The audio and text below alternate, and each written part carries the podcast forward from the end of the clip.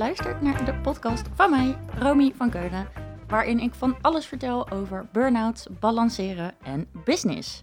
Ehm, en ik ben heel erg blij met de podcast die we vandaag gaan opnemen. Ik denk dat die namelijk voor een heleboel van jullie extreem waardevol kan zijn. Want ik zit hier tegenover uh, Niek. Niek is een hele oude vriend van mij. Hij is niet oud, maar ik ken hem al heel lang. Ja, echt al heel lang. Ja, echt al heel lang. En Niek is arts en hij is huisarts in opleiding. En dat vind ik uh, heel erg tof, want dat betekent dat hij kennis uh, heeft over, ju juist alle laatste kennis heeft over uh, dit onderwerp. dus dat vind ik heel tof. En als je denkt, joh, Room, je klinkt een beetje anders dan wanneer ik jou bijvoorbeeld op Instagram zie. Dat kan kloppen. Ik heb vroeger bij een advocatenkantoor gewerkt. Daar heb ik geleerd om op een hele bijzondere manier de telefoon op te nemen.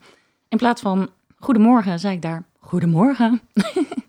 Dus uh, als je dat af en toe hoort, give me a break. Ik zit hier voor de eerste keer dit te doen. Ik vind het leuk en ook een beetje spannend. Maar goed, naar Niek, want die is de hoofdgast van vandaag.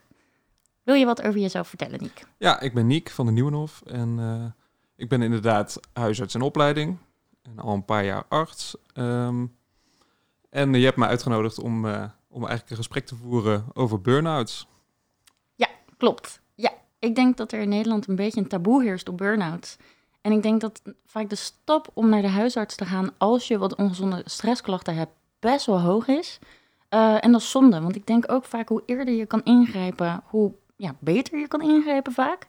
Um, dus ik gun het zoveel anderen zo erg om, want ik weet het zelf ook nog heel erg goed. Ik durfde dus ook niet naar die huisarts. Uh, om dat juist wel te doen, om, dat een, om een soort start te maken, om uh, ja, prioriteit van jezelf te maken. En daarom dacht ik, als wij nou alle ins en outs vanuit het perspectief van de huisarts bespreken over een burn-out, dan helpt dat misschien een heleboel anderen in Nederland. Dus uh, ja, ik heb er zin in. Ja, ik ook. Ik ben het helemaal mee eens. Ik zie het wel uh, vaker dat mensen heel laat komen. En, uh, hoe eerder, hoe beter. Ja. ja, want dat is misschien al meteen een eerste vraag die we niet hebben besproken. Um, maar denk je dat burn-outs te voorkomen zijn? ja, zeker. Het is eigenlijk kun je het een beetje zien als een leefstijlprobleem. Dus um, als je je leefstijl goed op orde hebt, dan, uh, dan kun je een burn-out zeker voorkomen. Oké, okay, ja. En dat klinkt dan bijna een beetje, uh, je doet iets niet goed, maar dat gaat natuurlijk ook heel vaak onbewust. Ja, zeker. Dat is, ja, doe je iets niet goed, dat is moeilijk te zeggen. Het is, denk ik, zit het een beetje in onze cultuur. Ja. Dus uh, het zit heel erg in onze cultuur verweven dat je veel tijd en energie in werk stopt. Um, en werkgevers pikken ook vaak de meest perfectionistische en de mensen met de beste werkethos, die pikken ze er tussenuit. Uh, maar dat zijn ook net degenen die een grote kans hebben op een burn-out. Ja, ja, dat is grappig dat je dat zegt. Ik heb zelf natuurlijk ook heel veel onderzoek gedaan naar burn-outs en ik geef ook wel eens een webinar. En vanuit de wetenschap is er een lijstje van kenmerken van werknemers uh, die gevoelig kunnen zijn voor een burn-out of gevoeliger dan gemiddeld. Dat zijn inderdaad mensen met een groot verantwoordelijkheidsgevoel. Mensen die het graag goed willen doen. Mensen die het belangrijk vinden dat hun werk leuk is. Nou, in mijn ogen is dit de perfecte werknemer. Ja, de perfecte dus, werknemer. Ja, ja precies. nou, oké. Okay. Zullen we dan naar de vragen gaan die we wel hebben voorbereid? Ik, ja, lijkt me goed. Uh, Oké, okay, top. Um, zou jij kunnen uitleggen, gewoon een beetje een beeld kunnen schetsen van wat er nou gebeurt, uh, fysiek gezien eigenlijk, bij hoge stresslevels? Ja. Um, dus op het moment dat je een deadline hebt of je moet goed presteren en het stressniveau gaat omhoog, dan, um, dan krijg je eigenlijk een hele cascade van stresshormonen die lichamelijke veranderingen meteen uh, veroorzaken. Dus je gaat in een fight or flight modus. En um, nou, onder andere adrenaline speelt daar een rol in. Je hartslag gaat omhoog, je bloeddruk gaat omhoog, je spierspanning gaat omhoog. Je bent eigenlijk klaar om of te vechten, om weg te rennen. Of uh, nou, daar ben je een beetje klaar voor om goed te presteren. Dus uh, dit systeem werkt heel goed om dus goed te presteren. Maar op het moment dat je dit langer hebt en dit blijft aanhouden, deadline achter deadline, dan, uh, dan heb je kans op overspannenheid of burn-out. Ja, precies. En het is eigenlijk ook een beetje een oerreactie, toch? Het is eigenlijk ook een beetje bijvoorbeeld een zebra die uh, als een gek moet wegrennen voor een leeuw. Die komt helemaal zo in stressstand en die kan als een gek rennen. Tien keer zo hard dan wanneer die normaal kan rennen. En wij hebben dan niet die leeuwen die meer op ons jagen. Dus voor ons zijn die leeuwen dan meer inderdaad deadlines of prikkels. Of, en daar ja, hebben we dan dus ook die soms best extreme reactie op. Ja, Ja, dus het is eigenlijk gemaakt om eh, in een korte tijd heel goed te kunnen presteren. Uh, maar de prikkels die wij nu hebben zijn allemaal lange termijn prikkels. Ja. En niet meer inderdaad die leeuw om meteen voor weg te rennen. Ja, precies. Oké, duidelijk. Hoe kan dit nou uitlopen in burn-out? Ja, burn-out is meteen wel het wat heftigere voorbeeld. Um, van degene die ik zie, maak je eigenlijk een onderscheid tussen is het overspanning of burn-out. Dus misschien is het goed om dan eerst even te kijken naar overspanning. Um, en als de triggers, dus de deadlines bijvoorbeeld, als die blijven bestaan en dat stress, uh, die stressreactie die blijft ook bestaan en dat, dat, raakt, dat gaat steeds langer en langer, dan uh, raakt je lichaam als het ware uitgeput. Um, je blijft supergoed presteren en het voelt ook vaak lekker om dit aan te houden. Maar op het moment dat het echt te lang duurt, dan raak je vermoeid. Dan krijg je eigenlijk spanningsklachten. -huh. um, en dat is dan vermoeidheid, prikkelbaarheid, um, misschien wat emotionele labiliteit. Um, dat je met je gedachten blijft zitten, dat je gaat piekeren. En wat ook denk ik een belangrijke is, dat je slaapproblemen krijgt. Dus op het moment dat je overdag deze reactie krijgt, het fight or flight modus, dat gaat s'nachts ook gewoon door. Dus je, nou, je bent sneller prikkelbaar in de nacht, dus je slaapt wat minder diep. Um, dan word je ook wakker van van alles. Dus je slaapt misschien ook moeilijker in omdat je met je gedachten zit, maar je wordt ook heel vaak wakker. Ja, heel herkenbaar. Ik voelde me op een gegeven moment een soort vampier. Ik ging dan wel plat op mijn rug in mijn bedje liggen en dan dacht ik, nou, dan gaan we weer. Ik doe mijn ogen dicht, maar uh, ik val niet in slaap. Dat gaat gewoon weer niet gebeuren.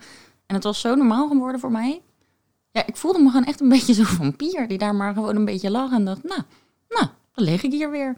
En ik sliep dan eigenlijk niet. Wat natuurlijk super, ja, ik deed daar dus helemaal niks mee. Wat natuurlijk helemaal super onhandig is, want uh, ondertussen weet ik, in je slaap herstelt van alles, weet je wel. En zeker die dingen, als je ongezonde stressklachten hebt, of misschien wel burn-out klachten of overspannen, dan zijn er zoveel dingen die je extra hard nodig hebt. Je emotionele processing en je, je immuunsysteem, gaan alles. En dat krijgt ze eigenlijk een soort mini-APK'tje, toch? Als je aan het slapen bent. Ja, je herstelt en je verwerkt eigenlijk de dingen die je overdag hebt gedaan. Ja. Um, dus je, je dromen zijn een beetje een soort van herbeleving van wat je overdag hebt gedaan om dat te verwerken. Um, dus als je overdag heel veel stressvolle dingen doet, dan speelt dat zich ook weer af in de nacht. Ja. Oké. Okay. Um, um, Misschien moet ik nog even zeggen dat als je dus overspannen bent, uh, dan heb je een combinatie van die spanningsklachten die ik net noemde, maar ook het controleverlies en dat je niet meer goed kunt functioneren. Dus er moet wel een combinatie van die drie dingen zijn.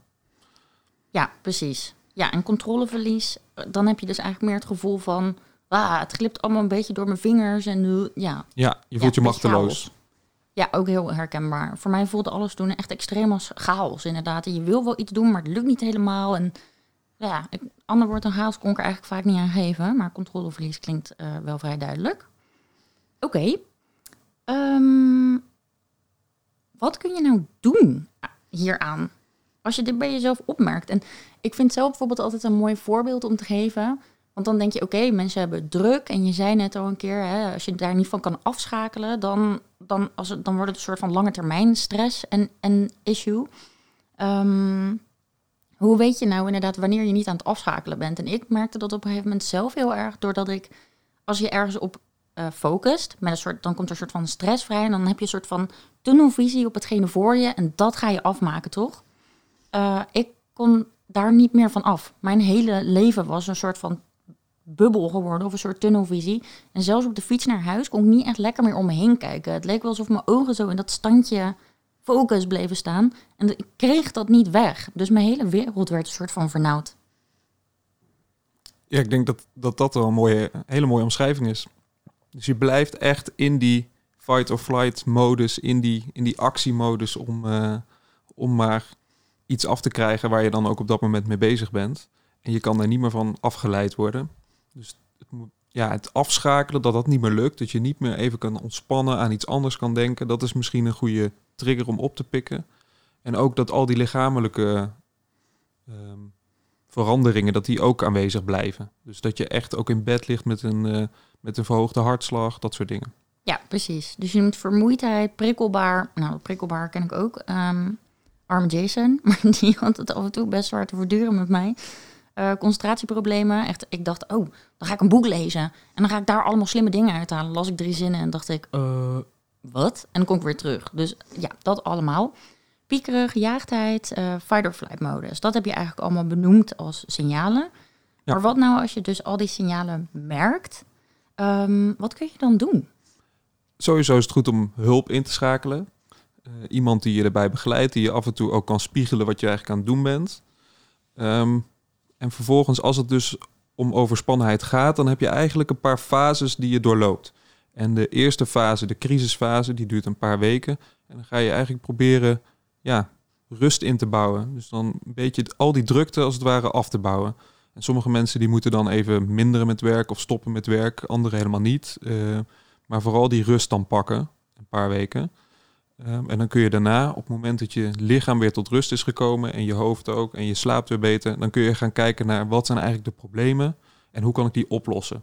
Dus dat ga je eigenlijk in de tweede fase doen. Dus je gaat je problemen in kaart brengen. Ook dat kan een paar weken duren. Um, je gaat daar oplossingen voor verzinnen en die ga je dan vervolgens heel rustig, geleidelijk toepassen. En dat is natuurlijk ook moeilijk. Degene die dit krijgen, die, die willen alles meteen opgelost hebben. Dat is het ja. Je bent perfectionistisch. Alles moet, alles moet goed en perfect. Dus ook dit heb je dan het idee dat je, dat je alles binnen een week weer opgelost moet hebben. Dat gaat echt niet gebeuren. Nee. Het is een paar weken tot maanden. Ja, plus je ligt op de bank en je denkt, ik wil weer mezelf zijn. En het liefst gisteren. Dus je hebt een soort van bijna haastgevoelens om dit aan te pakken. En je bent inderdaad ook een aanpakker. Dus je denkt, ah, ik grijp iets vast en dat doe ik dan heel, heel goed. Ja, je uh, lichaam staat ook nog in die, in die haastmodus, hè? in het rennen. Ja, nou ja, precies dat. Wat ik daaruit ook heel erg herken, is dat ik toen dacht: oh, uh, nou, mentaal gaat niet zo heel lekker. Ik heb gelezen dat je dat een beetje kan compenseren met fysiek lekker bezig zijn. Dan ga ik denk ik heel veel sporten. Nou, ik stond op een gegeven moment in de sportschool, vijf dagen in de week. Ik ben niet asportief, maar dat was nou ook niet echt mijn ritme, zeg maar. Totdat dus... ik op een gegeven moment met een hartslag van 220 en zo'n uh, high-intensity lesje stond. En uh, ik was ook met een ander vriendinnetje. Ik zei, ik voel me eigenlijk helemaal niet zo lekker. Nou, dat ging helemaal niet goed. Ik was gewoon weer allemaal stressklappen zeg maar, aan mijn lichaam aan het geven. Terwijl ik er al te veel van had. Dus uh, ja, ik dacht inderdaad, ik, een beetje obsessief. Ik dacht, oh, ik heb iets wat het misschien beter kan maken. En misschien ook nog wel op korte termijn. Nou, boem, dan stort ik me daar vol op in. Ja. dat is echt de valkuil dat je meteen... Uh dingen gaat vinden die het, die het moeten oplossen. Dat je, daar, dat je die vol aangrijpt en ook nog eens extra in je leven erin zet, zeg maar. Er zitten maar 24 uur in een dag en daarvan moet je ook nog slapen. En eigenlijk had je al te weinig uur om je normale um, deadlines te halen, je normale werk te doen, waardoor je zo gestrest bent geraakt. En dan ga je daar ook nog eens uh, dat sport aan toevoegen. En dan voer je de druk eigenlijk alleen maar op. Dat is echt de valkuil die ik uh, heel vaak voorbij zie komen. Ja, precies. En ik wil nog heel even terugkomen op, je zei, uh, de eerste fase is eigenlijk de crisisfase. Ik vind dat zelf altijd heel heftig klinken. Dat vind ik altijd klinken alsof, dan zie ik zo'n soort van ziekenhuisserie voor me. Weet je wel, het is crisis en iedereen is aan het rennen.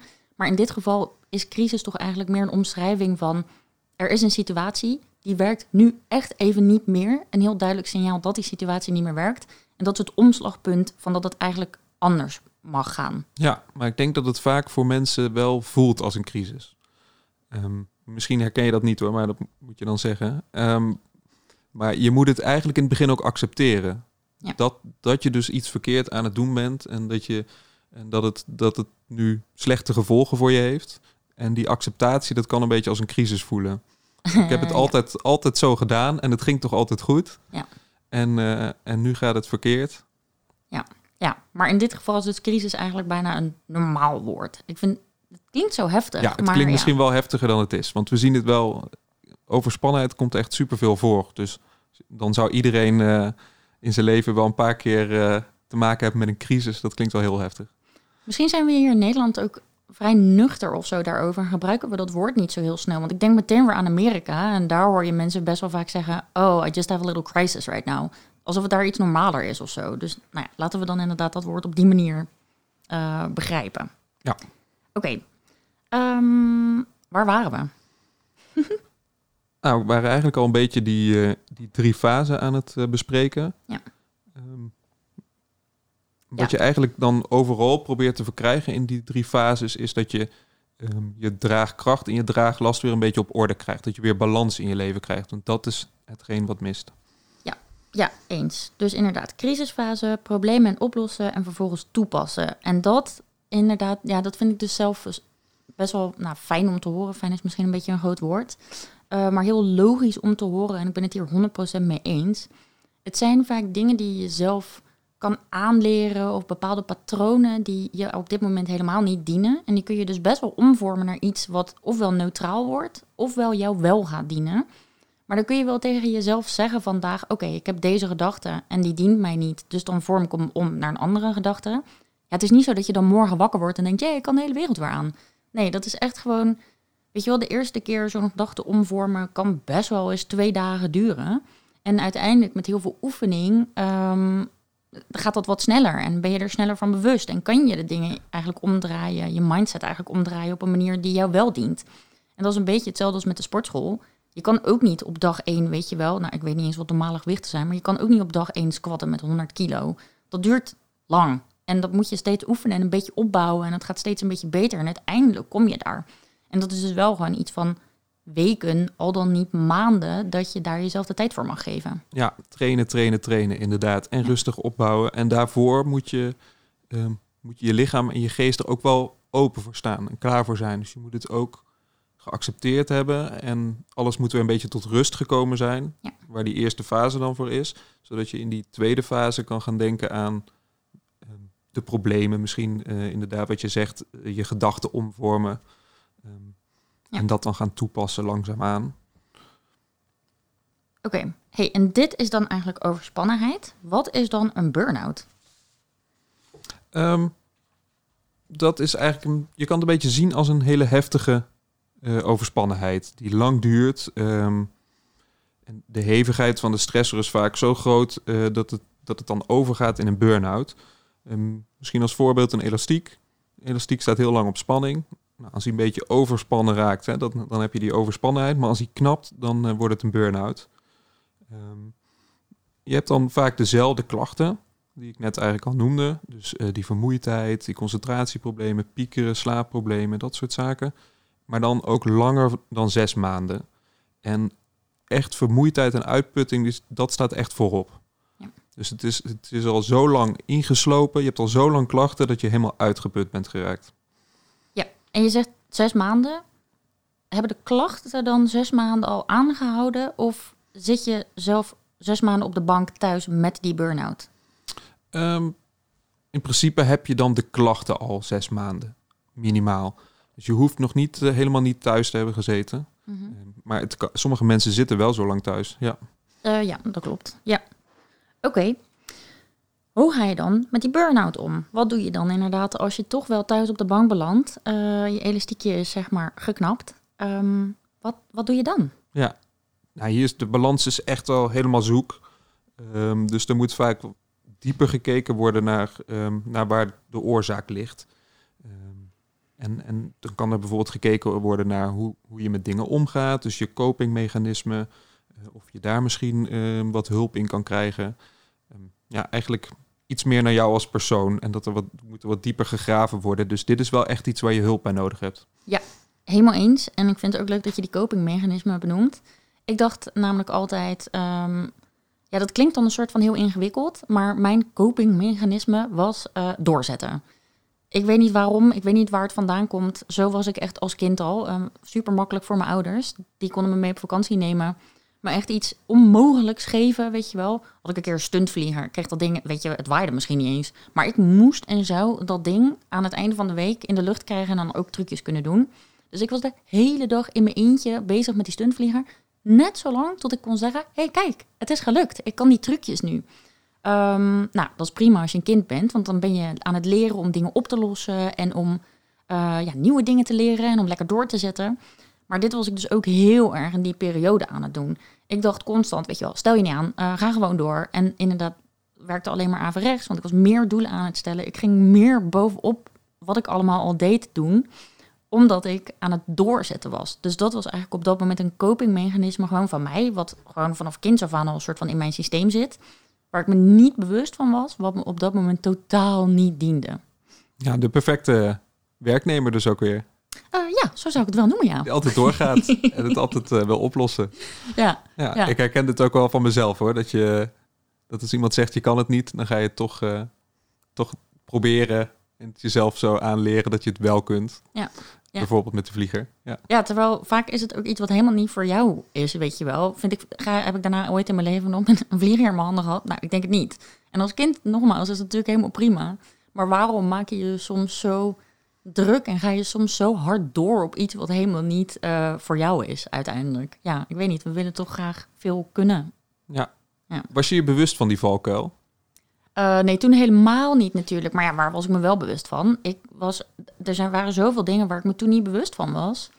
Ehm, dat ik gewoon echt als een super onbewust vogeltje in die burn-out ben gekukeld. Want ik, het zijn patronen en gedachten en dingen die voor jou zo normaal zijn. Die zitten zo in je systeem.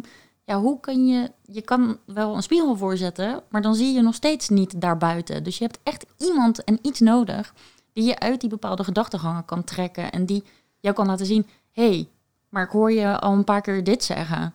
En dat je dan denkt, oh, oh, heb ik dat echt gezegd? Dus ik was bij de psycholoog die zei, denk jij dat jij perfectionistisch bent? Ik zei, nou nee, want ik doe zoveel dingen die ik maar half afmaak. Eh, ik kan mezelf echt niet perfectionistisch noemen. Ja, hoe komt het dan dat je eh, dingen niet afmaakt? Ja, dan wil ik het per, per se 100% goed doen, weet je wel. En het liefst 150%. En dan toen kwam ik erachter dat ik de lat vaak zo hoog legde op bepaalde dingen. Dat ik al overweldigd raakte van mijn eigen lat. En dat ik dan dacht, oh, dan doe ik het eigenlijk maar helemaal niet meer. Want dan is het veel te veel. Dus ik was vet perfectionistisch. Ik haalde alleen twee dingen door de war. Gewoon een aantal dingen lekker 100% goed willen doen. Of alles altijd op 130% goed willen doen. En daardoor soms en anders gewoon- niet. en anders niet. En dat niet, dat, dat was dan heel vaak, eh, laat allemaal maar zitten. En dan op de bank liggen inderdaad en een beetje Netflixen. Want de rest was te heb ik voor mezelf toen te ingewikkeld gemaakt. Ja, je ziet wel echt nut van, van dan hulp zoeken. En, eh, en dat je bij een burn-out echt die psychologische hulp nodig hebt om, om wat dieper te gaan kijken naar hoe ga je met dingen om. Ehm, en wat doe je nou eigenlijk verkeerd? En dat je dat ook zelf dat inzicht krijgt, dat is denk ik belangrijk. Want iemand anders kan het wel van buitenaf zeggen en opleggen. Maar je moet het er zelf ook mee eens zijn en het zelf ook echt inzien. Ja, wil je eraan precies. kunnen werken. En wat ik ook nog wel kan herinneren is in, van die tijd, dat als iemand dan zei, wat doe je nou verkeerd? Dat ik dacht, wat doe ik nou verkeerd? Wat doe ik nou verkeerd? Dat is toch de situatie waardoor ik hier in mijn beland. Dus ik vind het altijd best wel een beetje hard klinken. Wat doe jij nou verkeerd? Omdat het gewoon dingen zijn die in je systeem zitten en die voor jou heel normaal zijn. En het je, nou, doe je het verkeerd? Weet ik Verkeerd niet. is het verkeerde woord, denk ik. Ja. Ja, Eh, misschien meer welke dingen ben je onbewust aan het doen die jou op dit moment echt niet helpen. Ja, het heeft je waarschijnlijk in het verleden heel erg geholpen. Wat we net al zeiden, je bent de perfecte werknemer juist door deze karaktereigenschappen. Ehm, maar op het moment dat de triggers eh, te groot worden of de stressoren te groot en te moeilijk worden, dan kunnen ze je ook in de weg gaan zitten. Ja, precies. Hey, en je zegt hulpvragen. Hoe ehm, ziet dat er dan ongeveer uit? Ik zeg altijd, stap 1 is naar de huisarts. Ja, zeker. Die kan dus het onderscheid maken. Is het overspannenheid, burn-out of is er misschien iets anders aan de hand? Dat is ook belangrijk. Ja. Ehm, en dan vervolgens, als er een burn-out is, dan kun je als beginnetje maken met de huisarts of met de praktijkondersteuner. En als er dan meer hulp nodig blijkt te zijn, dan kun je bijvoorbeeld een coach of een psycholoog eh, erbij vragen. Ja. Maar ik denk dat het handig is dat dit eh, altijd via de huisarts of de bedrijfsarts loopt. Want je, loopt, je hebt natuurlijk een burn-out bij je werk en daar, heb je, daar zit ook een bedrijfsarts aan verbonden die je ook kan helpen. Ja, precies. Ja.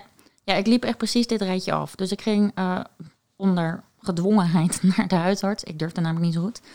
Ehm, en toen inderdaad naar de POH GGZ, dus de praktijkondersteuner. Vanuit daar naar ehm, de ehm, psycholoog. En daar werd bij mij heel erg het somberheidsstukje aangepakt door middel van cognitieve gedragstherapie. Nou, eh, hartstikke nodig, want ik was op dat moment ook helemaal niet meer mijn vrolijke zelf. En ook dacht ik, oké, maar dan wordt het nu dus dat sombere stukje aangepakt. Maar ik wil ook echt die burn-out gaan aanpakken. Want ik heb dus blijkbaar keuzes gemaakt waardoor ik in die burn-out ben gekukeld. Waardoor ik somber ben. Dus we kunnen die somberheid wel aanpakken. Maar ik wil toch ook wel weten wat ik dan zelf anders kan gaan doen om het de volgende keer voor te zijn. Ook echt de praktische kant dus. Heel praktisch en concreet, ja. ja want waar we het net al over hadden, ik wil, hè, je wil oplossingen, maar het kost ook tijd. Dus bijvoorbeeld zo'n cognitieve gedragstherapie, dat kost ook. Eh, dat is dus, eh, eh, voor degenen die het niet weten trouwens, Dat is eigenlijk waar je een gedachte identificeert die jou op dat moment niet helpt. Bijvoorbeeld, ik ben niet goed genoeg. Nou, iedere keer als je dan die gedachte bij jou opkomt, uh, dan ben je daar bewust van. En dan kun je hem omvormen naar iets wat jou wel dient. Uh, bijvoorbeeld, ik ben prima goed genoeg. Alleen hetgene wat ik nu moet doen, is heel even niet voor mij, zeg maar. Dat je het wat realistischer maakt. Ja. Nou, dat kost oefening. Dat kost eigenlijk weken voordat je dat trucje echt lekker snel kan toepassen op jezelf. Um, dus dat was super waardevol. Maar ik wilde ook wel inderdaad dan nog iets concreets. Oké, maar welke keuzes mag ik dan vanaf nu anders gaan maken? En waar heb je dan naar gekeken? Um, nou ja, dat heb ik dus zelf gedaan. Door uh, gewoon ja, oefeningen te doen, uh, je, je kernwaarden. Maar hoe wil ik dan eigenlijk dat mijn dag, uh, weet je wel, als ik dan zo meteen weer helemaal oké ben, hoe wil ik dan dat mijn dagen eruit zien? En als ik dan zo meteen weer helemaal oké ben, um, welke talenten wil ik dan soort van verder ontwikkelen? En met welke dingen was ik eigenlijk heel vaak bezig waar ik een energielek aan het oplopen was, omdat ik daar eigenlijk helemaal niet zo heel goed in ben. En het me dus heel veel moeite kost om, daar, om dat op dagelijks basis te laten zien. Ik denk dat dat heel belangrijk is, dat je gaat, inderdaad ook gaat kijken wat ben je aan het doen. Levert het je energie op of kost het je energie? En om daar ook weer een balans in te krijgen en dat weer rustig op te bouwen uh, in het hele traject. Zeg maar dat je dus per dag rustig weer probeert op te bouwen. Altijd iets te doen wat je energie oplevert. En ook af en toe iets te doen wat je energie kost, maar wat belangrijk is voor je. Um, en dat zo weer rustig op te bouwen. En dan inderdaad ook naar de toekomst kijken. Hoe wil ik straks dat mijn dag er weer uitziet, zeg maar. Ja, mijn leven precies. er weer uitziet. Ja. ja, dit is inderdaad ook wat ik met de deelnemers in mijn programma heel erg doe. Eerst inderdaad stilstaan. Uh, ja, ik vergelijk het altijd met een batterij.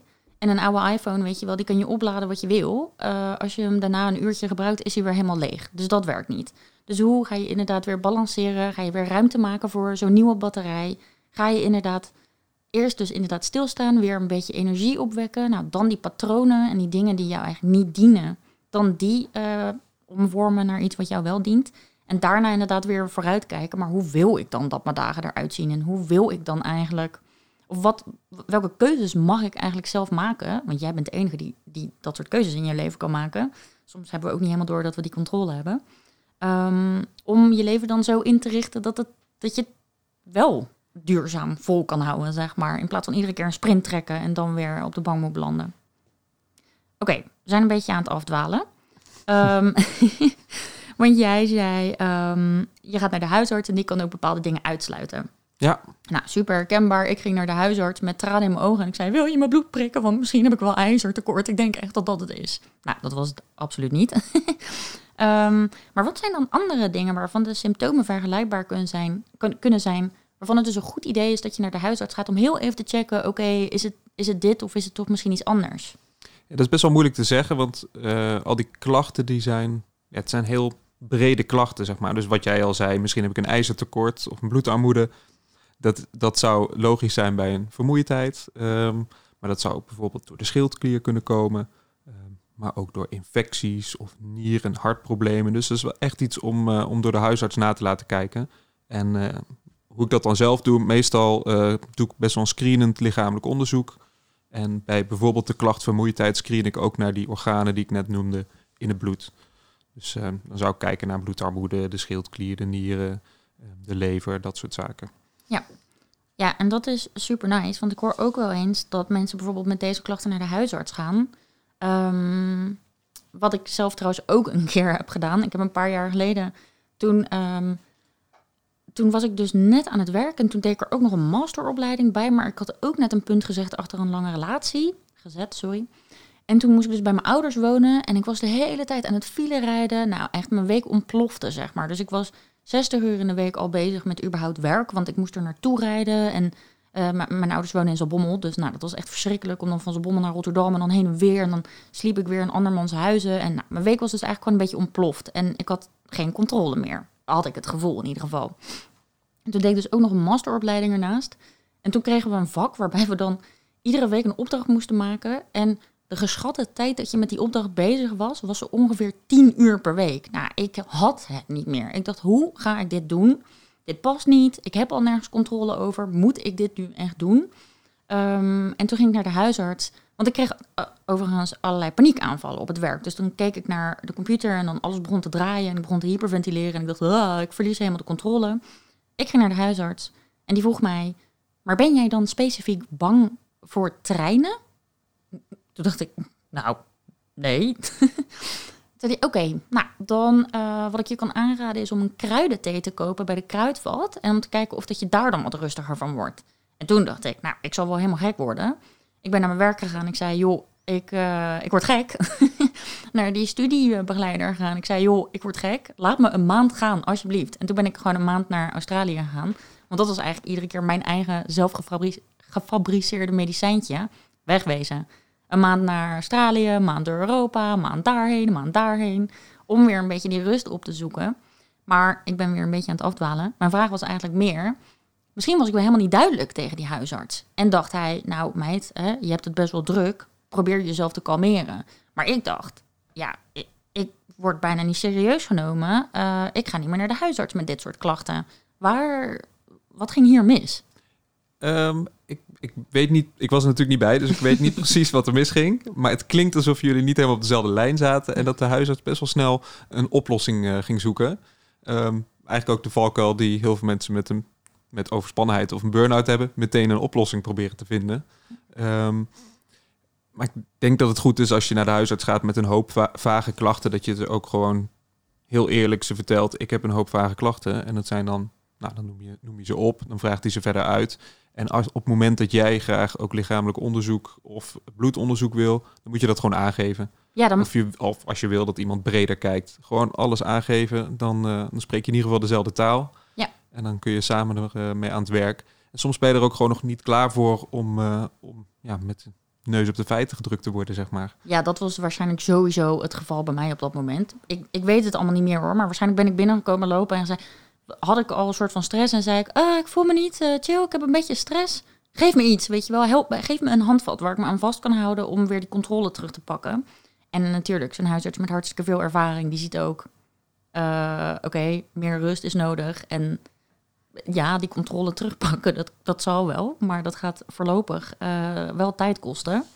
Maar wat kun je dan, hè, want je zegt, um, de huisarts, je, je hebt vrij, vrij vage klachten daar, dat is super belangrijk dat je die goed uitspreekt.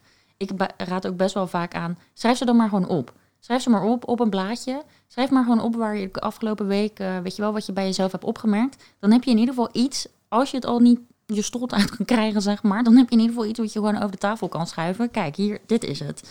Dit is mijn situatie. Ja, het is mooi dat je dat zegt. Zo'n dagboek is wel iets wat ik ook vaak aanraad. Dus mensen komen met vage klachten bij me en je komt er niet achter, meteen achter wat iemand heeft, um, dan is een dagboek best wel handig. Dan ga je bijvoorbeeld gewoon een week of iets langer ga je bijhouden welke klachten je wanneer hebt en wat je dan op dat moment of net daarvoor aan het doen bent geweest. Ja. Uh, misschien ook zelfs welke gedachten je hebt of dat je nog ergens verband mee ziet met, nou ja, het kan misschien eten zijn, dat kan van alles zijn. Ja. Als je dat allemaal opschrijft, dan um, is dat voor jezelf ook heel inzichtelijk. Niet alleen voor de huisarts, maar ook zelf kun je dan zien dat er misschien wel verbanden zijn, bijvoorbeeld met je leefstijl die je daarvoor nog niet gezien had. Ja, precies. En dat klinkt dan misschien weer bijna complex voor iemand met hoge stresslevels. Oh, dan moet ik dat ook nog allemaal gaan bijhouden. En ik denk dan, nou, dat kun je jezelf ook echt heel makkelijk maken. Schrijf uh, oma op een briefje, ochtend, middag, avond. Uh, zet er een cijfer achter, hoe voelde ik me zo ongeveer tijdens dat dagdeel. En zet er misschien een paar steekwoorden achter, weet je wel. Je hoeft geen hele dagboeken bij te houden hiervoor. Je kan het jezelf ook best wel makkelijk maken. Dat het je misschien een minuutje of twee kost. Dat het dus niet weer iets helemaal bovenop uh, de dingen is die je al aan het doen bent. Ja, het moet niet extra druk opleveren, dat nee, is waar. Nee, nee, dus het kan ook heel simpel. Ja. Um, ik heb nog een vraag voor jou, uh, waar ik heel erg benieuwd naar ben. Wat vind jij van supplementen? Ja, die, uh, die vraag die hoor ik vaker. um, ik krijg best wel veel vragen over uh, bijvoorbeeld vitamine D of vitamine B en uh, soms zelfs over zink. Um, we weten er heel weinig van af. Dus er zijn heel weinig onderzoeken gedaan uh, naar of het je helpt uh, om, om supplementen te nemen, maar ook of het schadelijk is. Dus um, ik ben er zelf heel voorzichtig mee. Vitamine D weten we van, dat wordt bijvoorbeeld omgezet in je lichaam door de zon. Nou, we hebben hier best wel een zwakke zon, zeker in de winter Vitamine D, prima als je dat gewoon neemt, gewoon van de etels, een normale dosering. Dat is allemaal geen probleem. Uh, voor mensen met een donkere huidskleur is het zelfs heel goed, want die krijgen dat nog veel minder uh, binnen. Um, maar de andere vitamines ben ik toch echt voorzichtig mee. Een leuk voorbeeld is denk ik van Sven Kramer. Die had in een, volgens mij was het ongeveer 2006, had hij uitvalsverschijnselen in zijn been, omdat hij zoveel vitaminesupplementen nam. En had hij een overdosering van vitamine B6, waardoor hij dus uitval kreeg in zijn been. Dus het zegt ook wel iets over uh, dat het ook schadelijk kan zijn. Ja, op die manier had ik er inderdaad nog niet eerder over nagedacht. Ik dacht of, of je neemt het en als je lichaam het niet wil, dan, hop, dan ben je er ook zo weer vanaf. Maar het kan dus ook inderdaad echt te veel zijn. Ja, ja dus ik, ik ben er zelf voorzichtig mee. Maar als je het geprikt wil hebben, vraag het gewoon aan de huisarts en dan kun je er een gesprek over hebben. En dan, uh, ja. precies, want dat kun je natuurlijk wel doen. Je kan inderdaad gewoon je bloed laten prikken en kijken, oké, maar welke waarden zijn wel en niet goed. En zo had de huisarts het bij mij ook op die manier aangeraden. Toen ik daarna weer jaren later naar de huisarts ging met dus de burn-out klachten. Um, en ik zei, kun je mijn bloed prikken, want ik denk dat ik ijzertekort heb. Nou, alles was helemaal oké, behalve inderdaad uh, vitamine D. En zij raden mij dus wel ook aan om uh, magnesium bisglycinaat, ik kan het echt nooit uitspreken, um, voor het slapen te prikken. Maar zij, kon, zij had echt een inkijkje in mijn waarden. En zij kon op basis daarvan zeggen, hey, dit kan je doen en dit kan je doen en dit zou handig voor je zijn. In plaats van dat ik inderdaad maar random allemaal dingen begon te slikken. Maar ik denk ook, iedereen moet gewoon wel echt doen waar hij zichzelf goed bij voelt. Um, ja, als jij je er inderdaad relaxed bij voelt. Want ik ging echt super goed met die magnesium. Moet ik ook zeggen, ze raden me ook acupunctuur uh, aan. En de combinatie van die twee zorgde er wel echt voor dat ik gewoon weer normaal sliep. Wat natuurlijk echt een basisvoorwaarde voor het herstel was. Dus ik was er wel echt fan van. Uh, maar ik snap ook heel erg inderdaad wat jij zegt. Uh, maar het is dus goed om het eerst te laten checken en op basis daarvan je beslissingen ja, te als je, nemen. als je dat wil, in ieder geval om, om het gesprek met de huisarts aan te gaan. Ja. Um, sommige dingen die, die hebben helemaal geen meerwaarde om te prikken en andere wel. Uh, dus uh, het is goed om daar dan over te praten. Ja. In ieder geval vitamine D kun je gewoon slikken. En wat je zegt over acupunctuur, ja, als, als dat voor jou goed helpt, en het, het levert je echt ontspanning op en je kan er weer goed door slapen. Dan geweldig, toch? Ja, precies. En zo zijn er natuurlijk zoveel dingen die je kan proberen om uh, inderdaad te kijken, oké, okay, ja, helpt dit mij? Dient dit mij? En dan zou ik altijd zeggen, nou, dan ga je er lekker mee door. Ja. Wat ik nog een valkuil vind bij die vitamines um, en, en bloedwaardes, is dat je de, de oorzaak van je klachten een beetje buiten jezelf als het ware legt. Ja. Dus um, als je je helemaal blind staart op, op een, bijvoorbeeld een vitamine B12 tekort en dat moet het zijn en, en dus moet ik me prikken daarmee en ik moet, dat, uh, ik moet die supplementen nemen en dan komt alles goed, dan ben je eigenlijk een verkeerd pad ingeslagen, want het zit hem niet puur en alleen in een vitaminetekort, het zit hem zeker ook in je leefstijl. Ja, nee, ik ben het helemaal mee eens met wat je nu zegt. Want ik ging natuurlijk ook naar de dokter met ik denk dat ik ijzertekort heb, geef me die ijzerpillen, dan is alles weer opgelost. Omdat je zo graag uh, een oplossing wil hebben. En je wil zo graag iets tastbaars ja, en die concreet machteloosheid hebben. die je in het begin heel erg hebt. Hè? De ja. controleverlies en je wil iets aangrijpen om de controle terug te krijgen. Dus dat is zeker begrijpelijk. Ja. Maar ook een gevaarlijke, ja, gevaarlijke precies. oplossing. Ja. Ja, ja, want inderdaad, die magnesium heeft er niet voor gezorgd dat ik nu zo uh, super vrolijk hier met jou deze podcast op zit te nemen. Dat was een hele aan inschakeling natuurlijk van allerlei dingen. Ja. Maar ja, de, ja, je organen af en toe een beetje helpen als je, als je niet uh, de basis op orde hebt, zoals slapen en, en al dat soort dingen. Dan uh, is het inderdaad absoluut goed om dat gesprek te hebben. Dat denk ik ook. Um, je hebt echt superveel informatie gegeven. En ik denk dat het echt heel erg waardevol is voor een heleboel mensen. Ik denk dat het, wat ik zo hoop, is dat, dat je gewoon merkt of ervaart of hoort. Ja, het is, deze klachten zijn bijna normaal. We leven in een heel snel systeem, in een snelle wereld. Uh, onze cultuur is inderdaad ook een beetje lekker doorgaan. Uh, oh, ik heb het druk, uh, maar ik ga lekker door, weet je wel. Um, en je mag gewoon naar de huisarts als je deze klachten hebt. Dat mag echt. Je mag echt prioriteit van jezelf maken. En Zeker. gewoon even kijken. Echt normaal. Ja, ja, het komt superveel voor. En ook onder huisartsen trouwens komt het ook nog eens best wel veel voor. Dus ja? Ja, dus ja, we hebben natuurlijk dezelfde valkuilen. Ja. ja. Ja, je wil ook zo graag iedereen zo goed mogelijk helpen. En ik weet het van jou ook. Jij werkt ook hartstikke veel. En we hadden het er net nog over. Oh, doe ik op zaterdag nog even dit bijbaantje ernaast.